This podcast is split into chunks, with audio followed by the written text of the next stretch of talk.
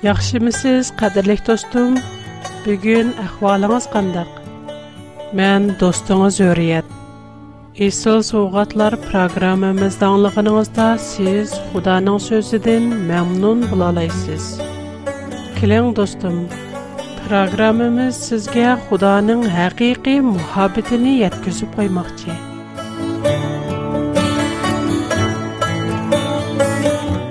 Бүгін қадырлих достырымға qurbonlik va qurbonlik to'g'risida so'zlab bermoqchi hammamizga ma'lum odam otimiz bilan havo onamiz cheklangan mevani yeb gunoh qilgandan keyin ularning tini yalang'ochlanib qolgan shunga ular anjir yupurmoqlar bilan badallarini yepib olishga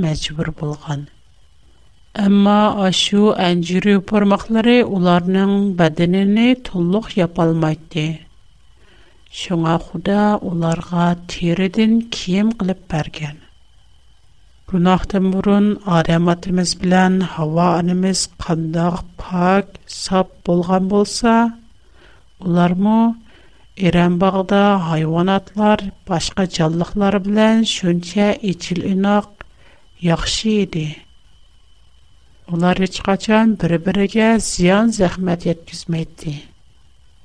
Amma günah payda bolğanlıq üçün Худа оларның ялыңач кылган тинене йеп турыш үчүн теридин ким кылып берди. Албатта бу адам атымыз белән хава анымызның гунаһыга курбан болган тунҗи мал. Шинондан татып адам атының авлатлары қурбаллы қылышни давамлаштырып келді.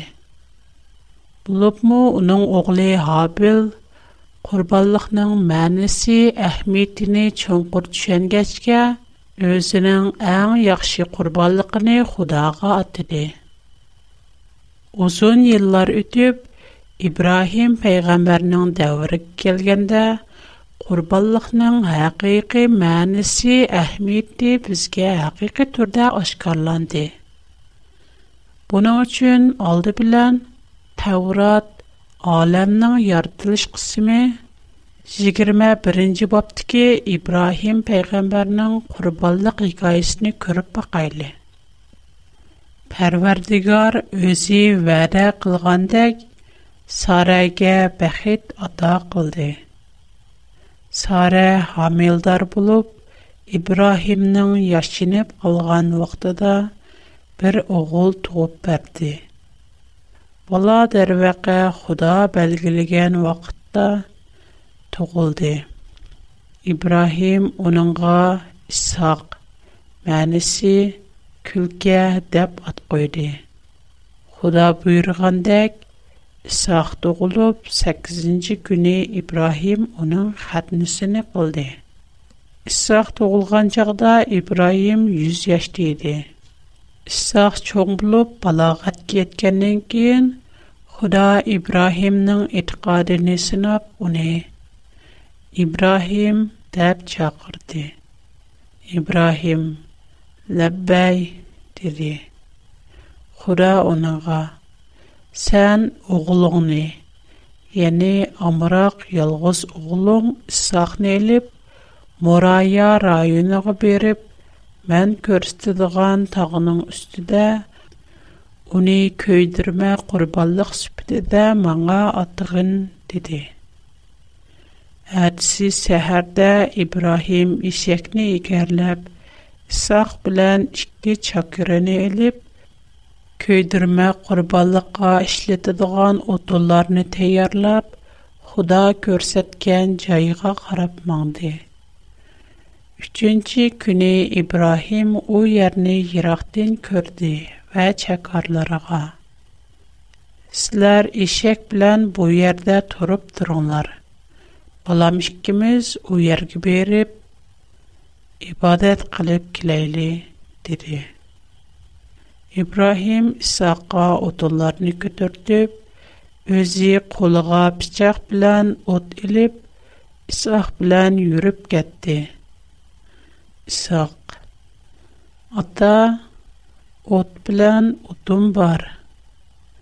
Ләкин көйдерме курбанлыкка эшләтелгән козакны дип сорады. Ибраһим унага: "И оглым, курбанлык кылдырган козыны Худа үзе яткызып берди." дип җавап берде. Шкелән тохтымай моңды. Ular Худа İbrahimğa көрсәткән җайга килгәндә, İbrahim qurbanlıq supısı yasab, otunlarını üstüge qoyub, öz oğlunu bağlab, otun dövülənən supuğa yatqızdı. Andın oğlunu boğuzlaş üçün bıçaqını götürdü. Бірақ Pərverdigarının pəriştisi ərişdin. İbrahim Ибрахим тэп вақырде. Ләбай диди ул, "Пәриште, уңа га. Куллыңны тарт. Балагы чыкылма. Мен синең менә хөрмәтләйдигән һәм маңа итаат кылдырганлыкны әнди белдем. Чөнки син үз Яни bir tal oğlunu menden ayımdın dedi. İbrahim ətrafına qarab idi, müngüzü çatqalğı ilişib qalğan bir qoçqar onun közgə çiliqdi. O berib qoçqarını işib, onu öz oğlunun ornida qurbonlik qilib köydürvətdi. Pərverdigarının pəriştisi ikinci qətim Osmandan İbrahimğa.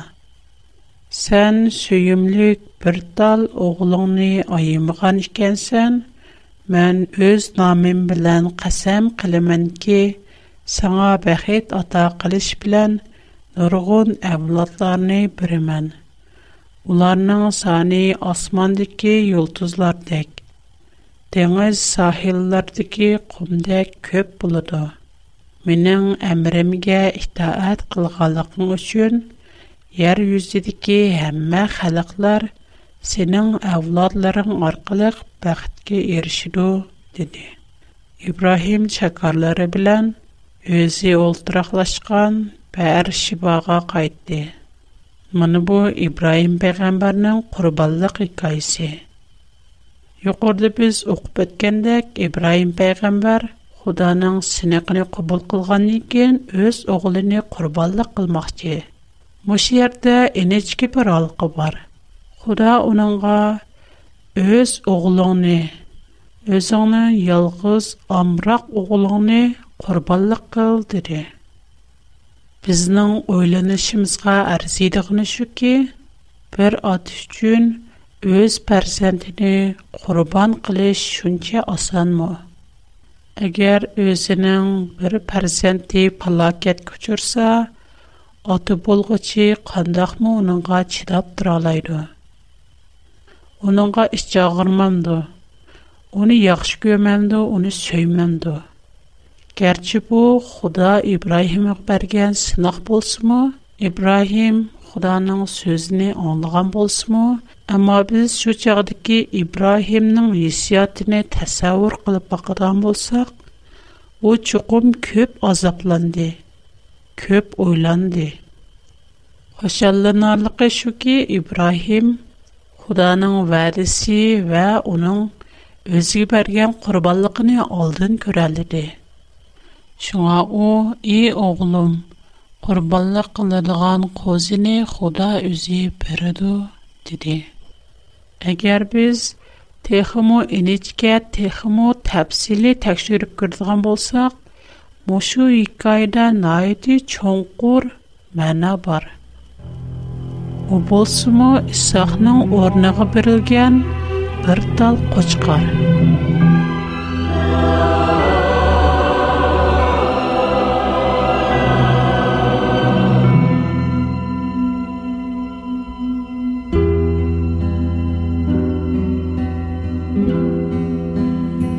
Тауратта құрбалык туғырыста көптеген исамлар бар. Біз Таурат Месірден чықыш қысым 12-ні баптен мұнуларыны көрәлейміз. Исраиллар Месірда құл болып яшыған уақытларда Құда Муса пәйғамбар арқылық Исраилларыны Месірден әліп чықты.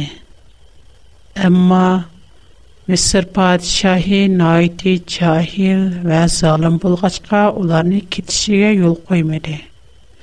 Шу чагда Худа Муса ва Харунга мондак диде. Силәр менен муну юл юрухларымны бүтүн Исраил халкыга үтүңләр.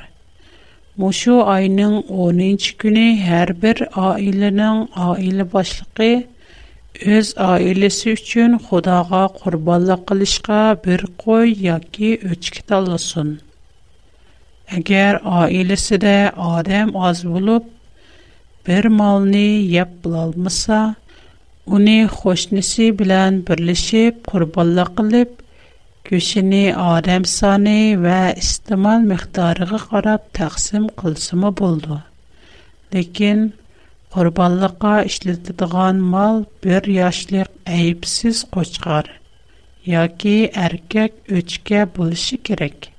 Bütün İsrail aileleri tullanğan malnı bu şu ayın 14-nji künüge chey яхшы saqlab şu künü keçte soyısın.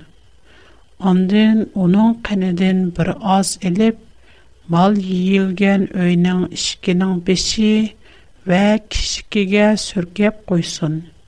Şu keçisi göğüşünü kavap kılıp, açık çüçük köktat ve peternan bilen yisun. Lekin göğüşünü ham peti, yoki suvda pishirib yemay butun molni beshidan tuyqig'icha ich bag'ri bilan qo'shib kavob qilib yisun. eshib qolganini atisiga qoldirmay Шу кечела көйдіру вәссун. У киджиси мэн бидын мисырни кизип, мэйли адэм, яки малнын болсун.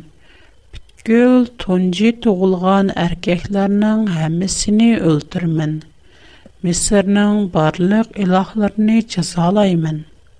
Чунки мэн пәрверд ігардырмэн. Иши кишеклерді киған, Силар турдыған үйләрнің бәлгісі. Мен бу қалларны көргінімді үйләранларға кермай өтіп китмін. Месырлықланы чазалыған вақтымда силарге ічқандақ зиян зехмэт ятмейду. Шинонай таврат дейна курбаллық үлішнің бөріюріш низамлары бар.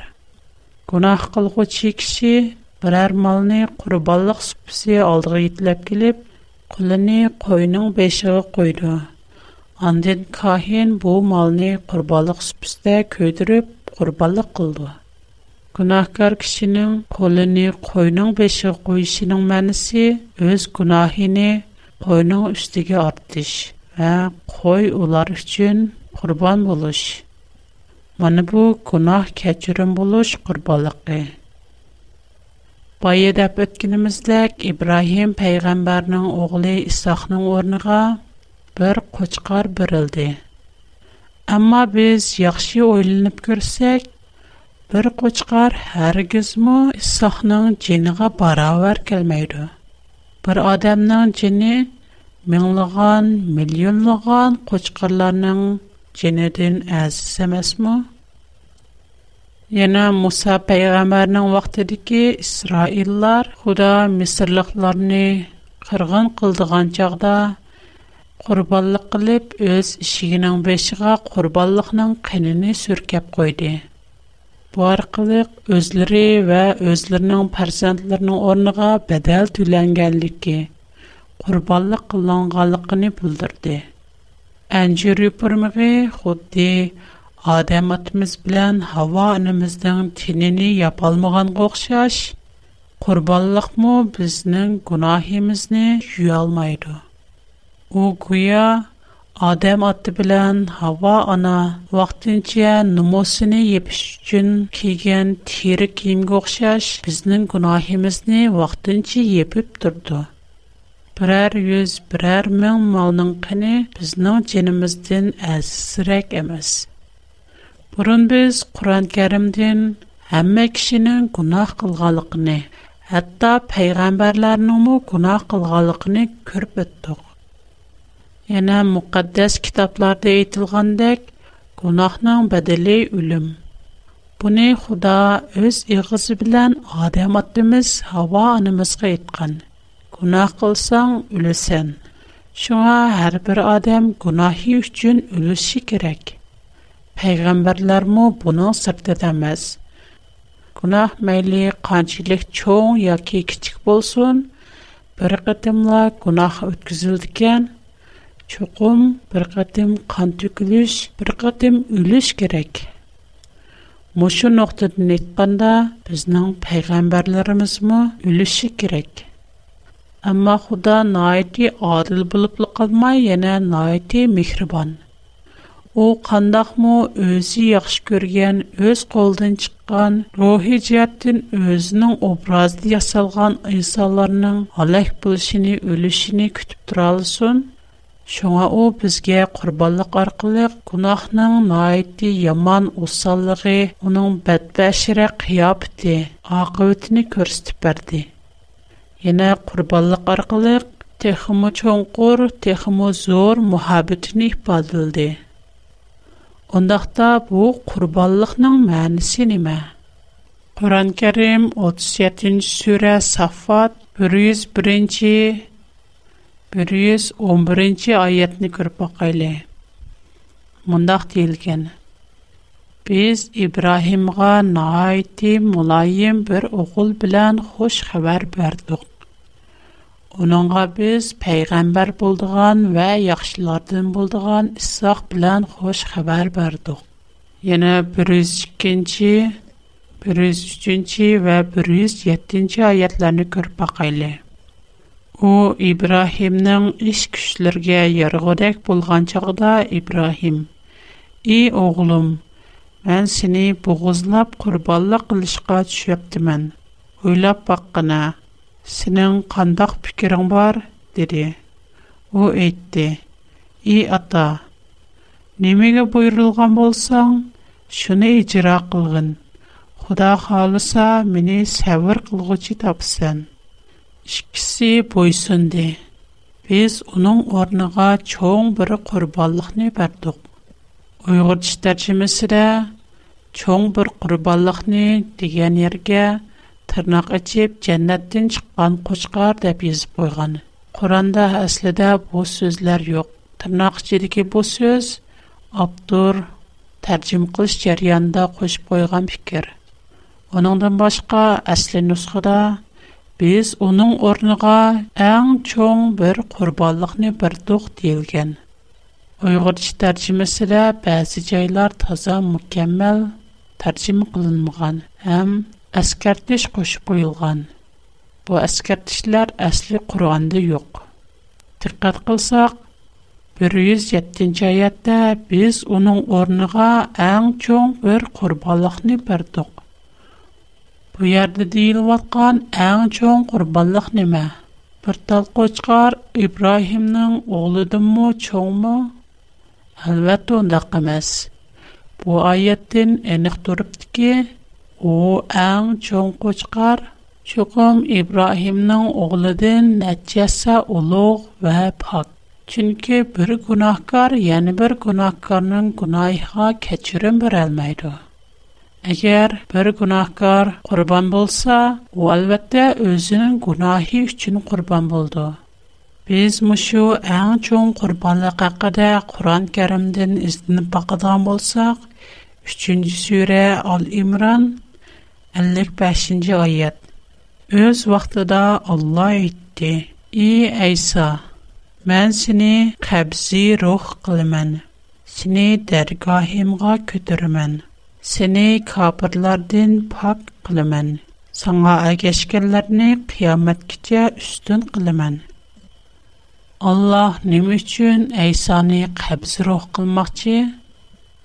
Бу айты эниг чыгып турупдыки айса пак һәм у шехит булды уның шехит булышы чукум башкалар тарафыдан у башкалар тарафыдан өлтүрүлдү уныңдан башка мушу аятта алла мен сени дәргаһимга яни менің орнымға көтермен деп атыды Onundan башка, Quranın heç qandaş yerindən Xudanın heç bir kişiyə onu öz dərgahimə götürmən, özümün ornuğa götürmən digərlikini görə Айсадан башка Əysadan başqa kişiləri pak deyinini anlap baxmayımız. Bütün Quran boyunca birdən bir pak, Айса kişi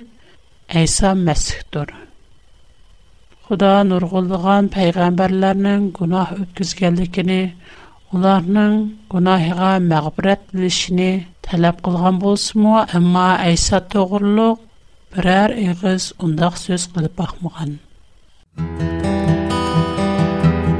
Программа ахырда достымға адырсымны тәппір мәкчімін. Әгер мән білән ала қылышыны қалысыңыз, қалам вә қағаз тәйәрлап қойсыңыз – Программа ахырыда адресымны хатырлап алалайсыз. Сүре Ал Имран 55-нче аятның яңа бер әһмиет шуки: "Саңа агешкенләрне кыямат кичә үстен кылыман" дейди. Ним өчен Айса агешкенләрне кыямат кичә үстен кылды? Исахның орнагы берилгән әң чоң курбанлык нима? İsraillarning ishik beshi va kichikiga surtilgan qurbonlik qo'za nima? Gunohkor kishilar qo'lini beshiga qo'yib, qurbonlik supisiga yetlab opirib, o'z gunohini ustiga tekkan qurbonlik mol nima? Buning uchun biz Injil Yuhanna bayon qilgan xush xabar 1-bob Sigırım 9-cı, 30-cı, 31-inci ayetlərə qarab baxsaq, bundan nəyiti ən doğru cavaba irişimiz. Yahya peyğəmbər həzrət İhsanın özünə qarab kəlib atdığını görüb, məndəx dedi. Mənə bu kül dünya diki insanların elib getidigan üstiga oldigan Xudoning qurbonliq qo'zisidir. Mən sizlərə məndən keyin kelguchi məndən ulug'dur. Chunki u mən tug'ilishdan burunla mavjud idi degan edim. Mana bu dal mən tilg'a olgan ashu kishidir. Mən asli uning kimligini bilmaydim. Amma bir qutquzg'ichining cho'qim keldiganligini bilatdim. دیمک یخیا پیغمبر عیسی نعدل اثر لردن بری قربان لقلب کلوت قان خدا نم قربان لقوزی کل کنی بس گه اینک ایت ва شما بیز تورات انجیل و قرآن دن اققان عیت لرنی بریار کیگان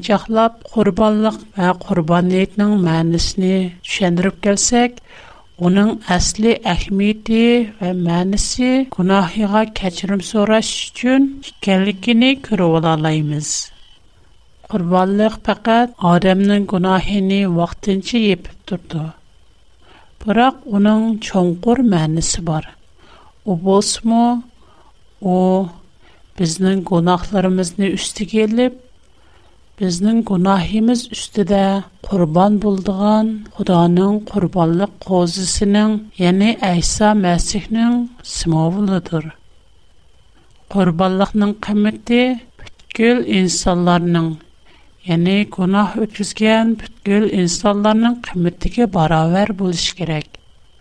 У инде गुनाхсыз булыш керек. Чөнки бер гадимлек गुनाх му адемне җинендән чуда Шуңа фақат пак, нұқсансыз, ayıpsız bütün günahlarını öz üstüge alalaydıgan ve başkalarının günahını öz üstüge elişni, başkalarga keçirim birişni halaydıgan, aşında kurballıkla biznin günahimizni epkididu. Tavratda Xuda bizge bu noktunu əskertken.